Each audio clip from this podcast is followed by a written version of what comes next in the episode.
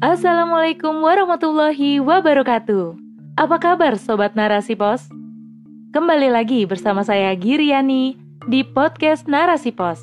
Narasipos.com Cerdas dalam literasi media, bijak menangkap peristiwa kunci. Rubrik Opini. Mandiri tanpa investor asing oleh Mariatul Kiptiah SPD. Elon Musk, orang terkaya sedunia versi Forbes, menyatakan ketertarikannya untuk berinvestasi di Indonesia. Hal itu disampaikannya melalui cuitannya di Twitter. Cuitan itu merupakan balasan atas cuitan Presiden Republik Indonesia, Joko Widodo. Sebelumnya, Elon Musk telah bertemu dengan Presiden Joko Widodo di Boca Chica, Amerika Serikat pada tanggal 15 Mei 2022. Pertemuan itu merupakan tindak lanjut dari pertemuan Luhut Binsar Panjaitan, Menko Kemaritiman dan Investasi dengan pemilik SpaceX dan Tesla tersebut. Dalam pertemuan itu, Presiden Joko Widodo menawarkan kepada CEO Tesla Incorporation itu untuk berinvestasi di Indonesia. Pertemuan tersebut ternyata membawa hasil. Menteri Investasi atau Kepala Badan Koordinasi Penanaman Modal atau BKPM, Bahlil Lahadalia, menyatakan bahwa Tesla akan berinvestasi di Indonesia tahun ini. Tesla berminat untuk berinvestasi pada ekosistem baterai mobil dan mobil listrik. Investasi tersebut sebagian dilakukan di kawasan industri atau KIB Batang, Jawa Tengah. Sebelumnya, LG Energy Solution dan Foxconn Technology Group juga telah menyatakan kesiapannya untuk berinvestasi di Indonesia. Sedangkan Foxconn adalah produsen elektronik multinasional dari Taiwan LG akan membangun pabrik komponen baterai mobil listrik di Batang, Jawa Tengah. Nilai investasi perusahaan dari Korea Selatan ini mencapai 142 triliun rupiah. Pembangunan pabrik ini akan membuat Indonesia berpeluang menjadi salah satu negara yang memiliki industri baterai mobil terbesar di dunia. Foxconn akan berinvestasi pada ekosistem kendaraan listrik yang komprehensif – mulai dari pembuatan baterai listrik hingga kendaraan listrik roda 2, 4, serta bus listrik. Nilai investasinya sebesar 114 triliun rupiah. Foxconn juga akan membangun pabriknya di Batang, Jawa Tengah. Banyaknya investor asing yang masuk ke Indonesia dianggap menguntungkan Indonesia. Pasalnya, industri yang mereka bangun diharapkan akan membuka lapangan pekerjaan baru meningkatkan pendapatan dari pajak, mendatangkan devisa bagi Indonesia, serta transfer teknologi baru ke Indonesia. Meskipun demikian, ada dampak negatif yang akan muncul. Pertama, ketergantungan terhadap asing.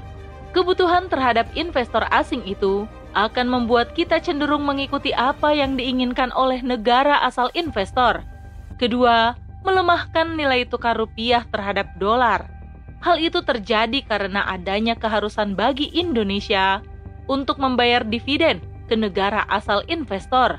Pada saat itulah terjadi penjualan rupiah dan pembelian dolar dalam jumlah yang besar. Itulah yang menyebabkan turunnya nilai rupiah. Secara tidak langsung, hal ini akan menurunkan kemampuan Indonesia untuk mengimpor produk-produk yang dibutuhkannya, misalnya impor minyak, kedelai, dan sebagainya. Ketiga, kerusakan lingkungan akibat eksploitasi sumber daya alam yang berlebihan. Seringkali, investor asing itu tidak mematuhi aturan-aturan yang telah ditetapkan oleh pemerintah. Pemerintah pun tidak berani berbuat tegas terhadap pelanggaran-pelanggaran yang dilakukan. Indonesia memiliki sumber daya alam yang berlimpah. Jumlah penduduknya juga sangat besar saat ini, populasinya mencapai 270 juta jiwa dengan 150 juta jiwa di antaranya adalah middle class growing. Sumber daya alam yang dimiliki oleh Indonesia pun beragam, mulai dari minyak, emas, batu bara, nikel, aluminium, tembaga, boksit, dan sebagainya. Berbagai bahan tambang itu merupakan bahan-bahan yang dibutuhkan untuk membangun industri mobil listrik dan komponennya. Namun, mengapa Indonesia tidak membangun sendiri industrinya? Ada beberapa faktor yang menyebabkan hal itu. Pertama, adanya tekanan dari negara-negara maju terhadap Indonesia. Sebagai negara berkembang, Indonesia berada di bawah tekanan negara-negara maju. Negara-negara maju itu dapat dikatakan menjadi penguasa yang mengendalikan negara-negara berkembang, misalnya mengatur perusahaan mana saja yang boleh berinvestasi di negara tersebut. Dalam kaitannya dengan mobil listrik ini, Indonesia mendapat tekanan dari Jepang. Selama ini, pasar mobil di Indonesia dibanjiri oleh mobil-mobil dari Jepang. Jepang tentu tidak rela jika harus kehilangan sumber pendapatan yang selama ini dinikmatinya. Kedua, politik ekonomi negara-negara maju yang meyakinkan negara-negara berkembang bahwa mereka belum siap untuk membangun industri sendiri. Alasannya, hal itu membutuhkan waktu yang lama. Di samping itu, negara-negara berkembang tersebut tidak memiliki lingkungan industri seperti para insinyur dan pekerja teknik yang andal. Tentu saja, hal ini merupakan alasan yang dibuat-buat. Pada faktanya, negara-negara maju itu hendak menghambat kemajuan negara-negara berkembang yang mayoritas adalah negeri-negeri kaum muslimin. Dengan demikian, umat Islam akan terus tertinggal. Demikian pula dengan alasan tidak adanya lingkungan industri di negara-negara berkembang. Padahal di negara-negara itu banyak terdapat insinyur maupun pekerja teknik, bahkan ada banyak tenaga ahli. Namun, keahlian mereka tidak dimanfaatkan oleh pemerintah untuk kemajuan negara. Negara-negara berkembang itu meyakini apa yang disebut the Rostow's Five Stage of Economic Growth and Development atau lima tahap pertumbuhan dan perkembangan ekonomi menurut Rostow.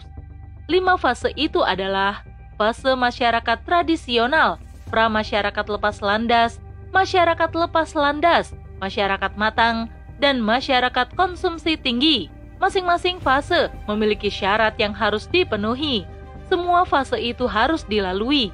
Jadi, tidak mungkin dari masyarakat tradisional melompat ke masyarakat konsumsi tinggi sedangkan negara industri itu berada pada fase yang paling tinggi.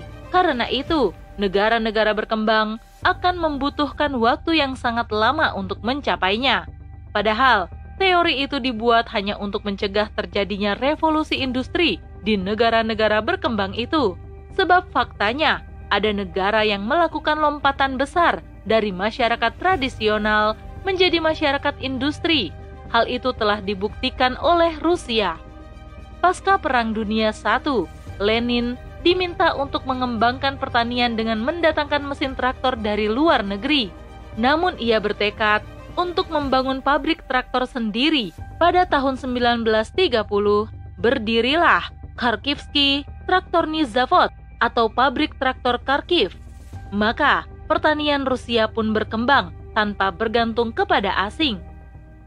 Dalam Islam, tidak ada satu hal pun yang tidak diatur olehnya, mulai dari urusan makanan, pakaian, hingga pemerintahan. Demikian pula, Islam telah mengatur masalah industri. Hal ini merupakan bagian dari politik ekonomi negara. Dalam politik ekonomi Islam, industri dibangun untuk mewujudkan makosidu as-syariah, yaitu melindungi serta memelihara jiwa, agama, akal, nasab, kemuliaan, harta, keamanan, dan negara.